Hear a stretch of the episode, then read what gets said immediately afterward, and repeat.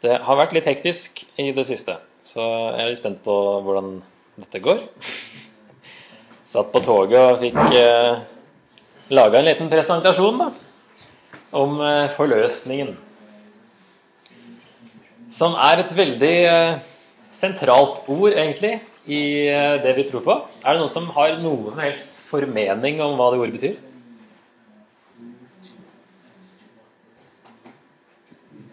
Det har noe med Jesus å gjøre, da. Ja, det er et, veldig, det er et kristent ord. Blant annet. Det brukes av og til i eh, vanlig på sin annen betydning også. Vil ikke ligge i ordet at det blir løst ifra noe. Yes. Helt riktig. Det, og det gjør det i selve ordet, men ikke sånn det brukes, egentlig, eller ikke følge ordboka engang, som jeg skal se straks. Men det har noe med å løse å gjøre. Amund, hadde du noe Ja, det er at Jesus har kjøpt oss fri. da. Åh, nå røpte du hele talen. Nei, men det er akkurat det. Eh, Det har med Det har noe med kjøping å gjøre. Kjøpe løs. Men det er, det er så sentralt at eh, så alle de sangene som vi sang i stad, alle hadde toucha litt inn på det, liksom. Et aspekt. um, og det er, um, det er noe av det som skjedde på korset. Eh, det er altså forløsningen, samtidig vi har andre ord også, som typisk sånne store kristne ord, som forsoningen, rettferdiggjørelsen. Eh, det at Jesus overvant det onde, og at han ble et eksempel for oss, og at han, var en, han døde istedenfor oss. Alle de er liksom forskjellige vinklinger på hvordan du ser på det Jesus gjorde på korset, og forløsningen er en av dem. Vanskelig å si kanskje hvilken som er den aller viktigste, men eh, du, du må ha med alle. Um, ordboka, da, Norsk ordbok, sier da at den første definisjonen er teologisk. Uh, at det er frelse gjennom Kristi død og oppstandelse. Og det er egentlig bare likhetstegn med frelse. Så det er liksom litt, uh, litt for enkelt, egentlig. Og så er den andre betydningen at det er uh, den del av fødselen der moren befris for fosteret. Det er den andre betydningen. Og det, Sånn brukte da Siv Jensen det når eh, de la fram statsbudsjettet. At hun følte hun hadde gått høygravid i flere måneder, og nå kom endelig forløsningen. Så det var tydelig det var eh, fødselsbetydningen da. Eh, og forløser, hvis du slår opp det, så kommer det da befrier, frelser, særlig i religiøst språk. Så det har blitt veldig sånn kristent ord, i hvert fall forløser. Selv om det har mista litt aspektet med at det har noe med kjøping å gjøre. Men ordet de bruker også eh, eh, i spesielt kanskje det greske ordet i eh, Det nye testamentet, det, det var ikke et religiøst ord da. Det har liksom blitt det siden. Men det var et ord som hadde en mening som folk forsto, og som det da Det var derfor de begynte å bruke det ordet, egentlig, for å forklare hva Jesus hadde gjort. Det kommuniserte noe, noe spesielt. Em, ja, så Selve ordet forløsning har dette med løs inni. Løst. Eh, som også er grunnbetydningen av det greske. Men definisjonen er ikke like klar på at det har noe med det å gjøre. Og Derfor, eh, faktisk i den nyeste oversettelsen på norsk, så brukes ordet bare én gang i Ny- Nytestamentet. 1. Korinter 1,30.: Dere er Hans verk i Kristus Jesus, Han som er blitt vår visdom fra Gud, vår rettferdighet, helliggjørelse og forløsning. Her er Jesus blitt mange av de ordene som de typisk kristne ordene. Eh, Alt um, sentreres i Jesus, da. Så um, andre ord de bruker, er da uh, befri, kjøpefri, frihet, løse ut, frikjøp, satt fri og løsepenge. Dette med løsepenge går kanskje aller mest på hva det betyr. Um, det, det trengtes en, en løsepenge. Eh, altså Den grunnleggende betydningen var da i eh, Når man snakka om krigsfanger, at eh, når man vant en krig, så tok man fanger. Og da ble de sluppet fri hvis noen kom og betalte løsepenger. Kausjon. Og hvis ikke, så ble de drept etter hvert. Eller gladiatorer, ikke sant? og så hadde litt moro med dem før de døde osv. Eh, så mest nøyaktig er de ordene som har noe med kjøpe fri da, å gjøre. Eh, eventuelt løse ut, hvis man da forstår løsepenge ikke sant? med forløsning. Det er mer enn bare å redde eller fri ut. Det er litt mer eh, konkret enn det. Eneste bildet jeg har å vise dere i kveld, er da Jeg kom på den her. Det er jo det engelske ordet for løsepenge er jo ransom. Eh, Så her Begynner i morgen, står det. Det var 1996, tror jeg. Men, eh, men dette med ja, løsepenger, det er jo gisseldrama ikke sant, og sånne ting. Der der det brukes fortsatt kanskje mer enn i krigsfangebildet i dag. For oss i hvert fall. Vanlige, oss vanlige mennesker. Jesus nevner faktisk bare én gang dette ordet som har liksom med løsepenger eller forløsning å gjøre. Er det noen som eh, med en gang kommer på det verset der Jesus snakker om det? Løsepenge. Det er én gang i Markus og én gang i Matteus.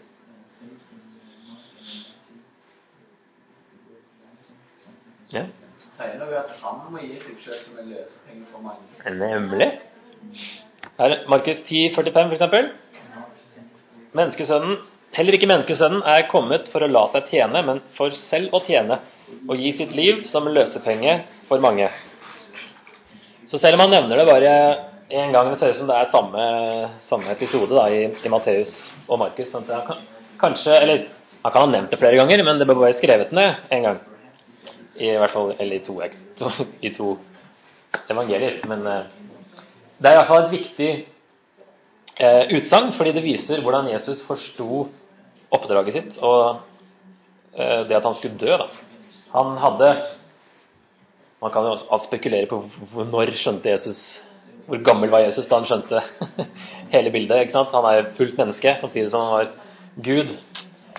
Veldig vanskelig å finne ut av. Men eh, det her sier i hvert fall litt av hvordan han da Han hadde i hvert fall uttrykk for det her, da. At eh, det var en måte å tjene på. Et ultimat eksempel på å være en tjener. Eh, og det at han skulle gi sitt liv som en løsepenge, og det skulle da komme veldig mange til nytte. Eh, Benjamin leste jo fra Jesaja i stad, og her eh, fra veldig kjent avsnitt fra noen kapitler før kapittel 59. I kapittel det mest kjente i Jesaja i kapittel 50 et eller annet. 53. Det virker som Jesus henter eh, mye derfra. Jeg har eh, tatt noen eh, highlights. Sannelig, våre sykdommer tok han, våre smerter bar han. Vi kjente, nei, vi tenkte, han er rammet, slått av Gud og plaget. Men han ble såret for våre lovbrudd, knust for våre synder. Straffen lå på ham, vi fikk fred, ved hans sår ble vi helbredet. Vi gikk oss alle vill som sauer, hver tok sin egen vei, men skylden som vi alle hadde, lot Herren ramme ham. Fordi mitt folks lovbrudd rammet ham.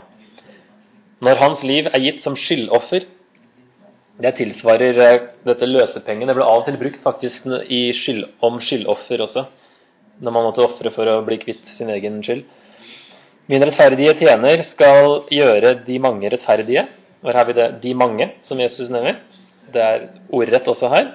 Han har båret deres skyld. Han tømte ut sitt liv til døden og ble regnet blant lovbrytere. Han tok på seg de manges synd og ble rammet i stedet for lovbrytere. Så der har vi både det stedfortredende og at det er de mange, at han er en tjener. Dette er jo Man kaller det for den Herrens lidende tjener eh, i, i noen kapitler i den siste halvparten av Jesaja. Eh, som snakker om da en, en tjener som skal komme og gjøre store ting. Så ja, en tjener, og at det er en sonende død som er stedfortredende, og at tjeneren også gjør det frivillig. Um, når hans liv er gitt, står det. Um, han tømmet jo sitt liv til døden. Han tok på seg de mange synder. Det høres ut som det er frivillig her også. Men også spesielt at det er de mange som nevnes. Så altså eh, Ut fra dette her som Jesus eh, da sa i Markus 10,45, så eh, har vi sånn foreløpig oppsummering. Jesus er et eksempel på en tjener. Han ga livet sitt frivillig, og han døde i stedet for mange. Det, er det vi, der begynner vi, og så går vi videre. eh, I brevene i Det nye testamentet så brukes også lignende ord.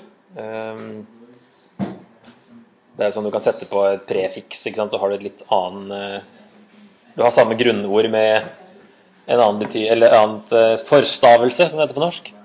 Som eh, av og til kan spille en rolle. Altså Paulus bruker faktisk en litt annet han legger til en sånn forstavelse når han sier at i 1. Timoteus 2 En mellommann er det mellom Gud og mennesker, mennesket Kristus Jesus, han som ga seg selv som løsepenge for alle. Og Det er ikke det helt samme ordet for løsepenge, men det er en Han setter ordet 'anti' foran. Og 'anti' betyr egentlig ikke imot, sånn, eller, sånn vi tenker på det kanskje, sånn antikrist. Egentlig så betyr det kanskje vel så mye i stedet for. Så at antikrist er en i stedet for Krist. Eh, og at her, for å virkelig understreke det at det var en løsepenge som var i stedet for noe, i stedet for det som ble løst ut, så blir det enda mer eh, kraft kanskje i det ordet akkurat her, men det oversettes så ulikt.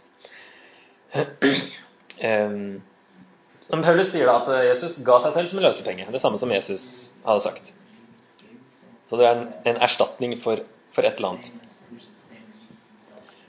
Uh, I Romerne 3 så sier han at uh, ufortjent og av Hans nåde blir de kjent rettferdige, frikjøpt i Kristus Jesus.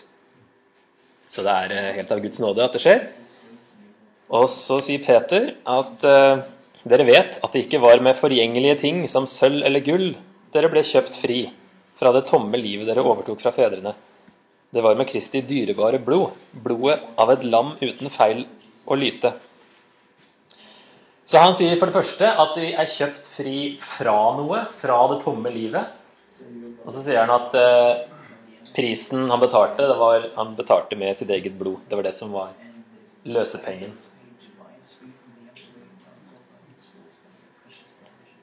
Og i hebreerne så står det at han døde for å kjøpe oss fri fra lovbruddene under den første pakten, for at de som er kalt, skal få den evige arven som var lovet dem. Så her er det da at vi er kjøpt fri fra lovbruddene. Så det blir litt mer sånn kjøtt på beina ut fra det ene verset Jesus sa. Så blir det litt mer tydelig her hos Paulus og andre at uh, selv om vi Det er jo ikke noe nytt, men det forklares litt nærmere, kanskje, i detaljer. Altså Jesus var selv løspengen. Vi er frikjøpt ufortjent og av Guds nåde. Jesus betalte med sitt eget blod. Og han kjøpte oss fri fra Husker dere de to tingene? Vi var kjøpt fri fra det tomme livet. og fra hebreerbrevet. Det er ett minutt siden. ja, lovbrudd. Det, det, går på det, det samme. Og så brukes det også av og til såkalt eskatologisk. kan du noen hva det betyr? Ja. Det som har med de siste ting å gjøre. Eh, sånn at f.eks. i Efeserne 4,30 så står det gjør ikke Guds hellige åndssorg, for ånden er det seil dere er merket med, helt til frihetens dag. Og der er det da forløsningens dag, egentlig. Så selv om vi er allerede kjøpt fri, så er det som så mye annet i Bibelen det, skal, det, er, ikke helt i boks før Jesus kommer tilbake, men det har starta med hans første komme. Eh, sånn at når da blir forløsningen endelig og kanskje sånn to streker under svaret da, når Jesus eh, kommer igjen. Det var sånn veldig raskt for sånn Hva sier Nytestamentet sånn grovt sett om uh, forløsning? Jeg har ikke tatt med så mye fra GT, bortsett fra Jesaja 53. Men uh, det er mye det samme, samme betydning da, på de hebraiske ordene som det greske. Så spørsmålet uh, mellom um, Jesus og eskatologisk, altså Jesu andre komme, eh, har det noe praktisk relevans i mellomtiden? Eh, og det vil jeg si at det har det absolutt. Så hva vil det si her og nå? Eh, Paulus skriver i Titus For Kristus ga seg selv for oss for å løse oss ut fra all urett og rense oss, så vi kan være hans eget folk, som med iver gjør gode gjerninger. Her eh, alltid interessant med sånne småord som forklarer eh, følger og årsaker og sånt, syns jeg. Kristus ga seg selv for oss for å Står det hvorfor? Løse oss ut fra all urett og rense oss. Så kommer det en følge til. Vi kan være hans eget folk, som med iver gjør gode gjerninger. Så vi blir løst fra noe. Og den ultimate, ytterste hensikten er at vi skal være, tilhøre Gud, være Guds eget folk, som gjør gode gjerninger. Det er ikke bare kjøpefri, og så er det nok. Det er litt mer som ligger inne i, bildet her. Paulus sier i, da, i første Korinterbrev Det er veldig mange bibelvers, men sånn blir det når det er et tema til man bare plukke man kan finne fra forskjellige steder. Um, I første Korinterbrev bruker han et annet ord. Han bruker et ord som kan som veldig direkte oversettes med å, å torge. å gå, og torget. Gå, å gå på torget. For, men det er liksom ordet for torg i verbform, da. Um, men det tilsvarer jo handle og shoppe, egentlig. Du går dit handelen er, du handler. Og du drar til shoppen, og du shopper. Så litt uh, det samme, da. Der Jesus, uh, Paulus sier da i 1. Korinterbrev 6 at vet dere ikke at kroppen deres er et tempel for Den hellige ånd, som bor i dere, og som er fra Gud? Dere tilhører ikke lenger dere selv. Dere er kjøpt, og prisen betalt. Bruk da kroppen til Guds ære. Så selv om jeg kan bruke det samme ordet for forløsning, så er det det samme han snakker om, siden han nevner at de er kjøpt eh, og at de ikke tilhører lenger seg selv. Eh, her er eh, bruk av kroppen til Guds ære. altså Her er sammenhengen faktisk eh, det, Han snakker om at de tilhører Kirken nå, som er Jesu kropp. Er jo det bildet som brukes. Og her snakkes det faktisk om at Tro det eller ei, altså, men den korintmenigheten den var ikke sånn helt på rett spor. Eh, sånn at de, Det var tydeligvis noen som syntes det var greit å ha sex med prostituerte. Så Paulus må liksom forklare dem at det er ikke greit. Eh, og det er spesielt fordi dere tilhører Jesus sin kropp. Han sier at hvis dere går og har sex med en prostituert, så forener dere hele Jesus sin kropp med en hore. Så det er jo ikke bra. Det er et argument kanskje i denne Når man tenker på sex for ekteskapet, så er jo det her egentlig et argument som uh, sjelden tas opp. Det at uh, når du er en del av Jesu kropp, så involverer det mange flere enn deg. Da. Derfor sier han bruk da kroppen til Guds ære. Det vil si altså selv kroppen skal du ære Gud med. Og så sier han i neste kapittel for den som var slave da Herren kalte ham, er Herrens frigitte, og den som var fri da han ble kalt, er Kristi slave. Dere er kjøpt og prisen betalt, så bli ikke slaver av mennesker. Så det her med at han gikk, at det er bildet på en måte at Gud gikk på torget, på slavetorget og kjøpte oss som slaver. Og nå tilhører vi Gud, nå er vi Guds slaver.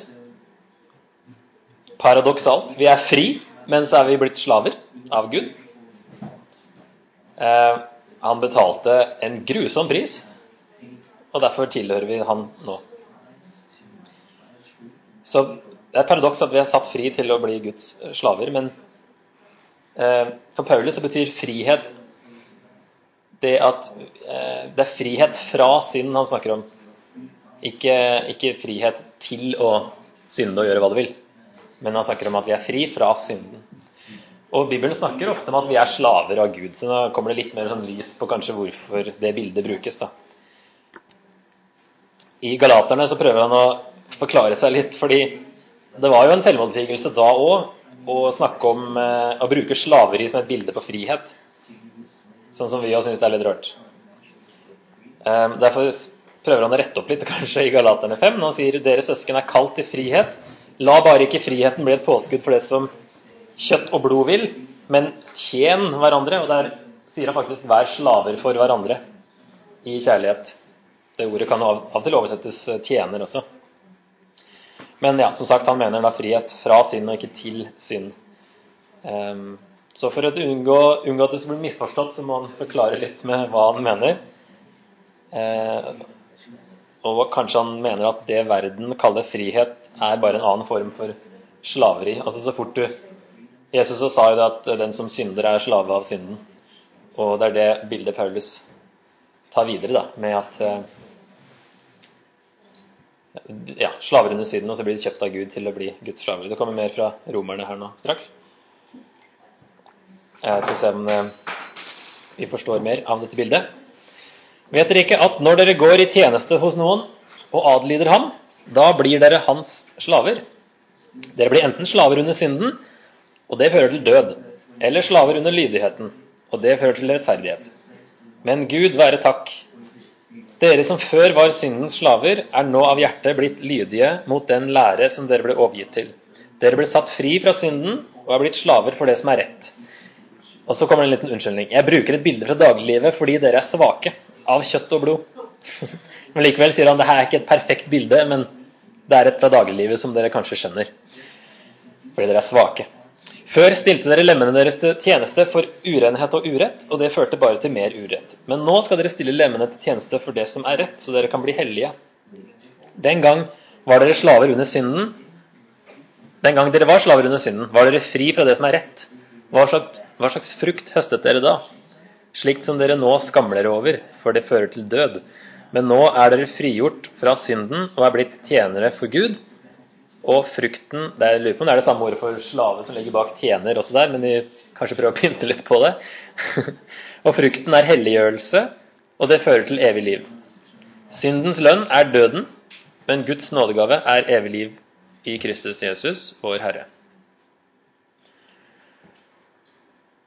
Han snakker om at vi må vende oss fra vår gamle mester, slaveherre, vi var slaver under synden. Nå har vi satt fri. Derfor innebærer det at vi også skifter fokus og eh, lever som om vi har fått en ny herre, faktisk.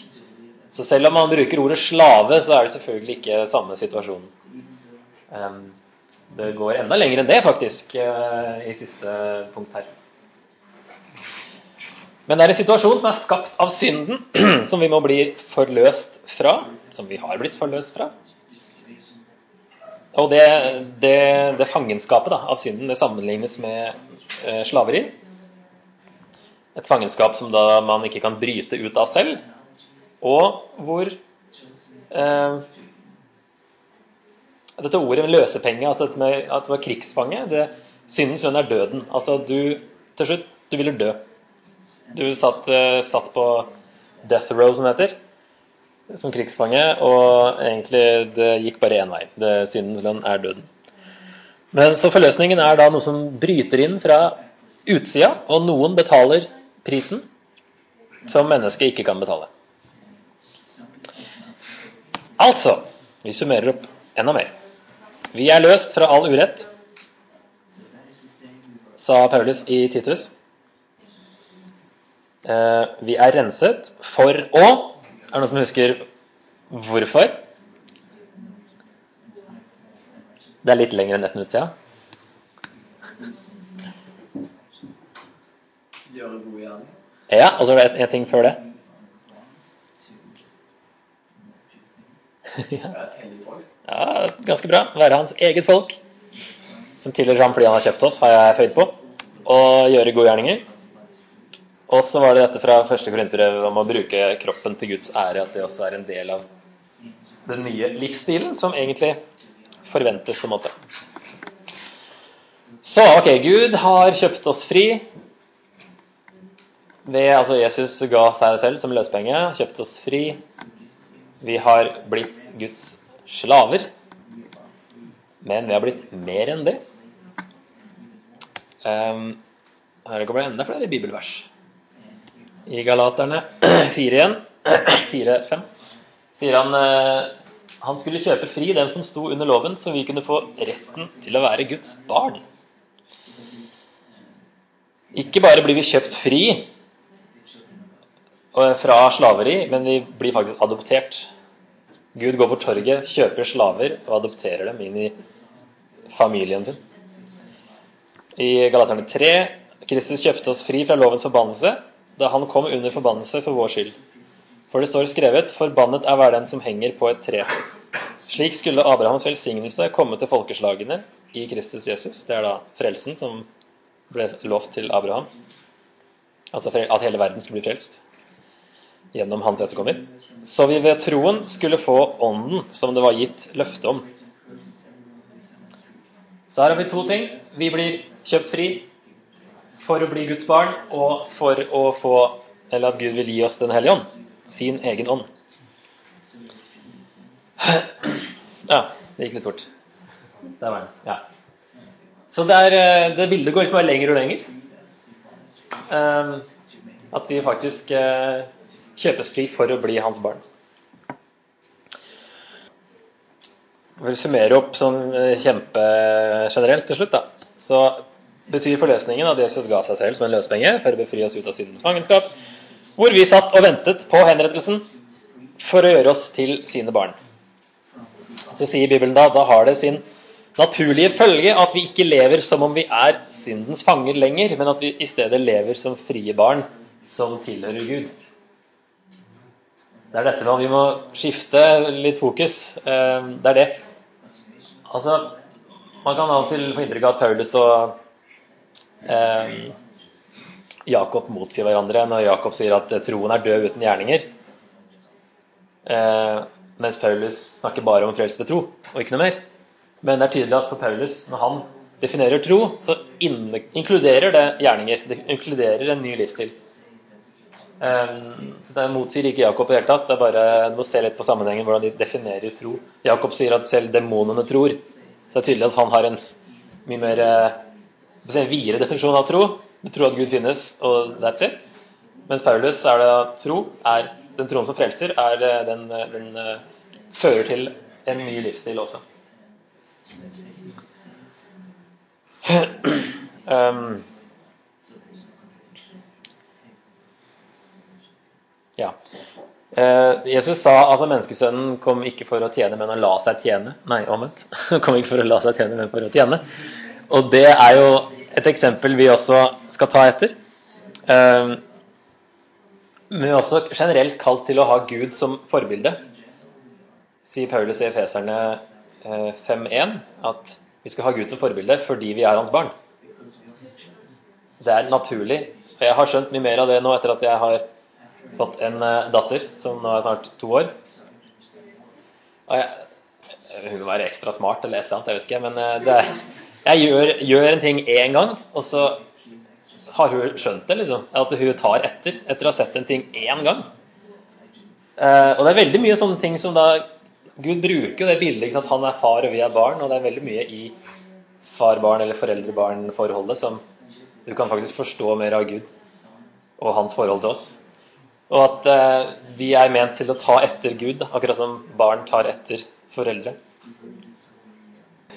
Men det er derfor Paulus når han sier da, i Feserne 5 at eh, sånne ting og det og det og det sømmer seg ikke for kristne, sier han.